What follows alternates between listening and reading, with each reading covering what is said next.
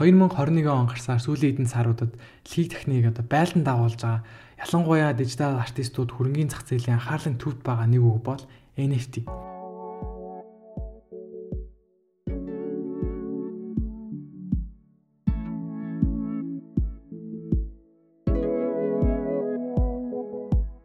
Өнөөдөр бид хуучны цөөнгийн хүсвэрээс мэдээлэл авдаг цаг арт хоцорч интернет байхад л хүн бүр сэтгүүлчийн үргийг амархаан гүйцэтгэх болсон билээ.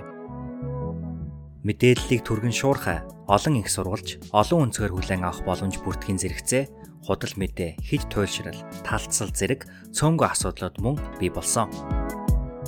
Сонирхсан сэдвээ гүйлтгэхэд та эцэс төгсгөлгүй мэдээлэлтэй нүүр тулах болно. Гэвч эдгээрийн аль нь үнэн, аль нь баттай вэ? Скет медиагийн зүгээс сонсогч тань зориулж дэлхийд дахинд өрнөж буй олон салбарын үйл явдалд баримттай, нотлогоотой, шинжлэх ухаанчаар хандан нягтлан хүргэж байна. Скетэн нягтлав. NFT-г ашиглан дижитал артистууд өөрийнхөө уран бүтээлээ интернет ашиглан маш ихээр бол худалдаалж эхэлсэн. Өөрөөр хэлэх юм бол зураг, бичлэг тэр байтугай мимийг хүртэл зарж худалдаж авах боломжтой бол хүн болгоно нээлттэй болсон байгаа юм л да. Жишээлх юм бол Twitter компанийн үүсгэн байгуулагч Jack Dorsey-гийн твит дээр хамгийн анхны жиргсэн Just Up My Twitter буюу би өөрийнхөө жиргээ бичиж гэсэн жиргэний скриншот NFT-гээр 2 сая 915 мянган доллар 835 доллар 47 центээр бол худалдаалагдсан байгаад байна. Өнөөдрийн байдлаар NFT-ийн түүхэнд хамгийн үнэтэй зарагдсан бүтээлээр Every Days the First 5000 Days буюу өдөр тутам анхны 5000 өдөр нэртэй одоо Bible гэдэг уран бүтээлчин зураг 69.3 сая доллар зарагдсан байгаа юм л та. Уг бүтээлийг Сингапурын улсад блокчейн бизнес эрхэлдэг Ignesh Sundaresan буюу Metacoin хочтой бизнес эрхэлдэг худалдаж авсан. Ам мөн нэмээд одоо Америкийн нэгдсэн улсын үндэсний сагсан бөмбөгийн холбооны лигийн бичлэг болон зургийг нь зарж борлуулдаг NBA Top Shot гэдэг нэртэй team платформ маш ихээр бол зургийг зарах болсон. Том зах зээлийг бол өөрөө нээсэн гэж хэлж болж байгаа. Жишээлх юм бол Los Angeles Lakers багийн од тоглогч LeBron James-ийн одоо тогтож байгаа бичлэг 280 мянган доллар хүрсэн байх жишээтэй л дээ. Тэр яг NFT нь юу гэсэн үг юм бэ?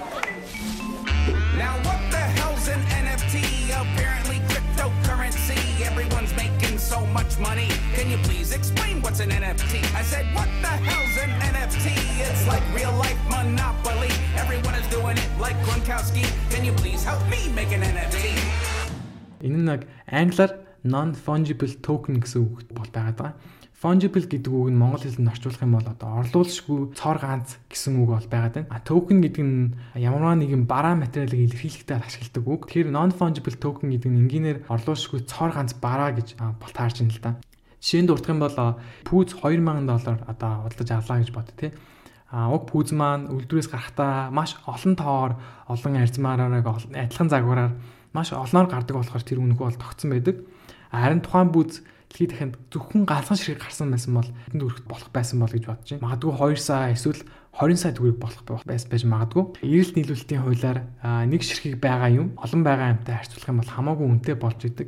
Ягаад тэгэхээр тухайн бүтээгдэхүүний тухайн барааны эрэлт нь их харин нийлүүлэлт нь бага гэсэн үг л дээ. За энэ хүү хуулиар одоо алтар уран зураг болох Мона Лиза эсвэл Марсан Шаровын Монголын нэг өдөр гэдэг зураг зөвхөн цор ганц оригинал хувилбараар байдаг учраас маш их үнэтэй хүнд хүрдэг гэж ойлгож болно.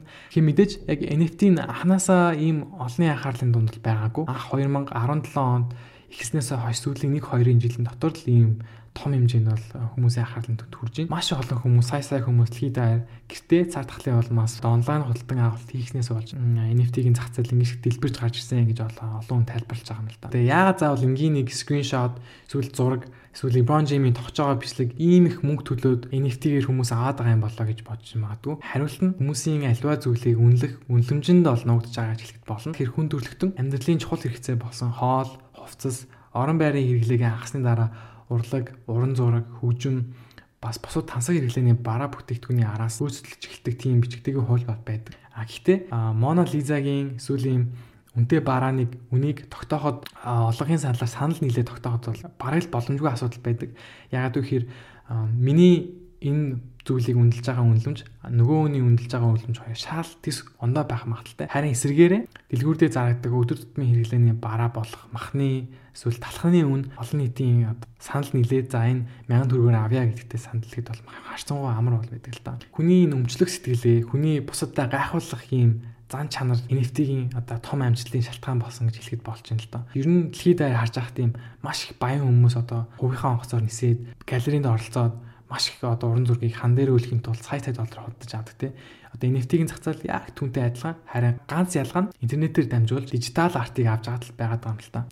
Тэгэхээр би хэрвээ 69 сая доллараар зураг авсан бол бусад бүх хүмүүст би 69 сая доллараар энэ зургийг худалдаж авсан. Би дижитал эзний шүү гэсэн тийм бусад гайхуулах шууд танд очих гэсэн үг л болж байна. Хамгийн ойрхон жишээ татах юм бол манай Монгол улсад л 90-10 дугаар гэж дугаар байдаг. Маш их үнд хүрдэг. Тухайн дугаар нь яг үнэхээр тийм хүрэх хэмжээний үн цэний хүмүүст өгдгүү гэх юм бол эргэлзээтэй. Эсвэл тухайн дугаар нь яг үнэхээр хүмүүсийн ажлыг амжуулдаг гэвэл бас асуудалтай байдаг. А гэхдээ тухайн дугаарыг хэрэгжилж байгаа хүмүүсийн тайлбарладаг өөрсдөө өмөрөх шалтгаан юу байдаг гэхээр энэ дугаар маа нэр төрийн баталгаа болдог, ажил явуулдаг, намайг бусд хүмүүсээс одоо өөр харагдуулдаг, ялгаргуулдаг их мэтчийн шалтгаанууд эхэлдэг.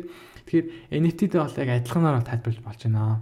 Харин бас та нэг юм бодчих магадгүй л дээ. Одоо би хэрвээ 69 доллараар ингээд зураг авлаа гэж ботход намайг зургийн эзэн гэдгийг хэн мэдх юм бэ? Хэн баталгаажуулах юм бэ гэдгийг гайхшиж магадгүй. NFT нь өөрөө яг бүтээгдэхүүн биш зүгээр тухайн зургийг авсан танд гэрчлэгээ буюу сертификатыг олгож ийн гэсэн үг. Тэгэхээр энүүд блокчейн гэдэг тийм үг бидний үгсийн санд орж иж байна л да. Блокчейн системээр таны энэ зургийг хизээ хэдэн доллараар хинээс авсан бэ гэдэг бүх мэдээлэл интернет ашигладаг хүн бүрт нээлтийг харагдахаар үүр татгалагддаг. Тэр нь блокчейний бол онцлог. блокчейн гэж юу юм бэ гэдэг сайн ярилцъя. 2008 оны одоо дэлхийн санхүүгийн амралтын дараа санхүүгийн байгууллага институт одоо итгэх хүмүүсийн итгэл дэлхийд даяар ингээд басж ирсэн. Төд удалгүй 2009 оны ихэнх үеэр биткойныг одоо Сатоши Накамото гэдэг хүн бүтээсэн гэж болох үздэг. А гэхдээ одоо хүртэл Сатоши гэж хинбэ гэдгийг тодорхойлох боломжгүй байгаад. Зарим хүмүүсийн таамаглагаар Сатошийн хэсэг бүлэг хүмүүс юм аа гэж үздэг бол зарим хүмүүс энэ Сатоши гэдэг нь нэг хүн юм шүү гэж тайлбарладаг. А бид нэр одоо өдөр тутамд банкар дамжуулж төлбөр тооцоогоо хийдэг гэдгийг бүгдээ мэдж байгаа. Тухайн банк болон алхийн санхүүгийн одоо удирж байгаа байгууллагуудыг хүмүүс удирдах явуулдаг. Тэгэхээр хүмүүсийн хийдэг юм юу бэ гэхээр алдаа гаргадаг. Тийм хүмүүс буруу шийдвэр гаргадаг, алдаа гаргадаг. Тийм болохоор биткойныг бүтээсэн хүмүүсийн одоо гол санаа гол зорилго нь санхүүгийн хараат бус орчныг бүтээгээд ямар ч банк хүмүүсийн хараат байдлаас ангид төлбөр тооцооны систем бүтүүлэхийг бол зорьсон байгаа юм л да. Яг биткойн анх гарч байхдаа 2008 2009 онд бараг үнгүй шахав байсан. Тэгээд хамгийн ихтэй л тухайн хүмүүс юу гэж яддаг вэ гэсмээр би биткойноор пицца авлаа гэж гайхалдаг байсан. Тэгээд ингэж авсаар байгаад нэг хэсэг биткойн гэдэг крипто валют байсан уугүй гэдэг бар мартсан байсан. А гэхдээ маш олон хүмүүсийн одоо сонирхлыг татаад цаашид энэ биткойнын санаа нь маш их боломжийг дагуулж магадгүй юм байна гэдэг сэтлийг өгөөд тий даяар маш олон хүмүүс өөрийн гэсэн койныг бүтээж ирсэн. Энэ дунд манай Монголын сүүлд гарсан Artcoin гэсэн орж байгаа.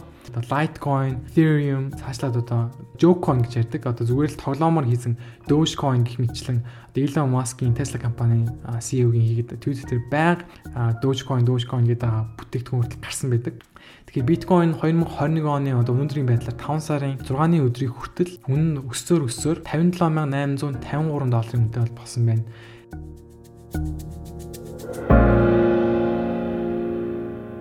Тэгэхээр 2009 оноос хойш маш их замыг туулж энэ өдний хүртэл хүрсэн байгаа юм л да. Төрөний мессийн Ethereum гэдэг койныг анх Орос гаралтай Канадын иргэн одоо 27 настай Виталик Бутерин 2014 онд бүтээсэн. Тэгэхээр сайхан тэрээр 2 хоногийн өмнө дэлхийн хамгийн залуу крипто валютын тэрбумтон болсон. Энэ түүний бүтээсэн одоо Ethereum нь 3000 долларын босхийг давсантай холбоотой. Ethereum крипто валютыг биткойны араас нэгж байгаа хамгийн том өрсөлдөгч хэд аяар хамгийн эзэмшиж байгаа хоёр дахь coin бол байдаг. Ethereum биткойноос маш том давуу талтай илүү ашиглах боломжтой гэж бол хардаг. Энэ нь юу гэсэн үг вэ гэхээр биткойныг зөвхөн мөнгөө хадгалах хэрэгсэл болгож ашигладаг бол Ethereum-ийг блокчейн ашиглаад олон төрлийн гүйлгээ их ялангуяа одоо бидний яриад байгаа NFT-г худалдаж авах, зарах тийм боломж нэгж байгаа болохоор Ethereum маш үнэтэй. Ирээдүйд одоо 3000-аас цаашаа 100000, 20000 хүртэл явж боломжтой юм а гэж хараад байна л да. Ethereum crypto wallet ашиглаж байгаа блокчейн дээр түрүүний хэлсэн шиг худалдан авалт бүр хадгалагддаг. Жишээлх юм бол би нэг мим худалдаж авлаа гэж бодох юм бол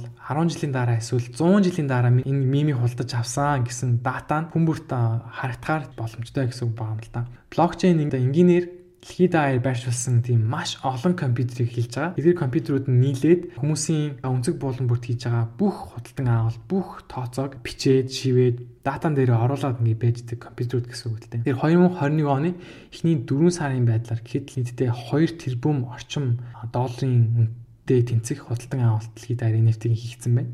Тэгэхээр энэ тоон дэлхийд даяар цаашдаа NFT-ийн ямар том хэмжээтэй зах зээл болж болох вэ гэдгийг харуулж байна. Тэгэхээр энэ том зах зээл уран бүтээлчдүүд бол маш том сайн мэдээ бол болж байна. Яагаад вэ гэхээр дижитал уран бүтээлчд өмнө нь одоо шилэх юм бол гэрэл зурагчид, зураачид, видео бичлэг хийдэг хүмүүс, анимашн артистууд цаашлаад мим хийдэг хүмүүс хүртэл одоо өмнө нь өөрийнхөө хийсэн бүтээлийг зарж борлуулах түүнээсээ ашиг олох боломж айгүй хомос байдаг байсан бол NFT гарч ирснээр энэ бүх бэрхшээл одоо алга болж байна гэж ойлгож болж байна. Аа би жишээлбэл гэрэл зураг аваад тэрнийг шууд нэгэн NFT-гээр зарах боломжтой тийм вебсайтн дээр оруулаад байршуулад дуудлага худалдаа явуулаад тухайн гэрэл зураг зарах бол боломжтой.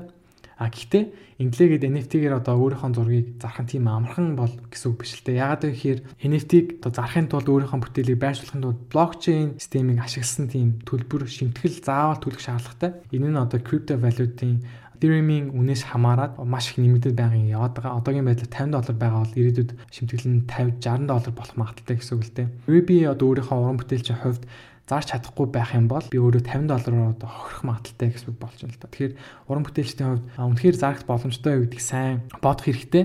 Яагаад тэгэхээр маш олон хүмүүс одоо уран бүтээлчд өөрийнхөө бүтээлийг өдрө болгон NFT-дээр оруулж байгаа. Тийм болохоор таны уран бүтээл тухайн уран бүтээл дундаас салгарч гарах уу гэдгийг сайн болцох хэрэгтэй л дээ. За мөн NFT ингээд маш том алдар нэртэй ингээд хүмүүсийн олонний анхааралд орох тусам түүнийгээ дагаад маш олон шүүмжлэгтэж гарч ирж байгаа. Энэ шүүмжлэгт бол ямар байр суурьтай байгаа вэ гэхээр NFT одоо ялангуяа Ethereum crypto value-ыг ашиглалт нь дэлхийн тахны цаг уурын өөрчлөлт дэлхийн дулаалд маш том сөрөг өрнүүлээ үзүүлж байгаамаа гэдгийг харж байгаа. Энэ яагаад вэ гэхээр одоо Ethereum crypto value-ыг майнинг буюу олборлох энергийн зарцуулалт нь цагийн 26.5 терабайт цагийн эрчим хүч буюу 5 сая хүнтэй Ирланд улсын нийт зарцуулдаг жилийн эрчим хүчтэй бол тэнцэж байгаа гэсэн үг л дээ. Bitcoin, Ethereum гэсэн крипто валютыг олборлохын тулд маш их энерги зарцуулж байгаа болохоор түүнийгээ дагаад одоо хүлэмжийнхээ хязгаарлалт маш их бэгсэж байна гэж хүмүүс тайлбарлаж байгаа. Тэр NFT-г дагаад маш олон хүн ажлын байргүй болох магадaltaй аюултай юм а гэж харж байгаа л да. Юу гэхээр одоо өмнө нь бид нэр банкар дамжуулж төлбөр тооцоо хийдэг байсан бол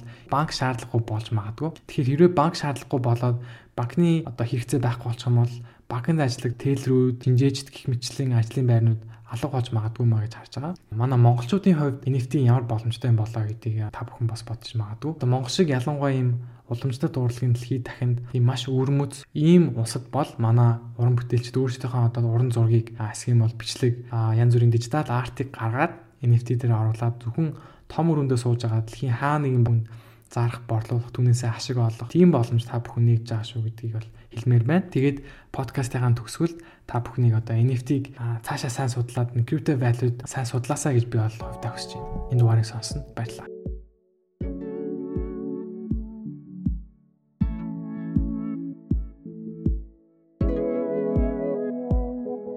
Та Skeleton Media-гийн Нягтлав подкастыг хүлээн авч сонслоо. Энэ дугаарын мэдээг хөтлөгч Оргил Нягталж саунд инженерээр буян ажиллалаа.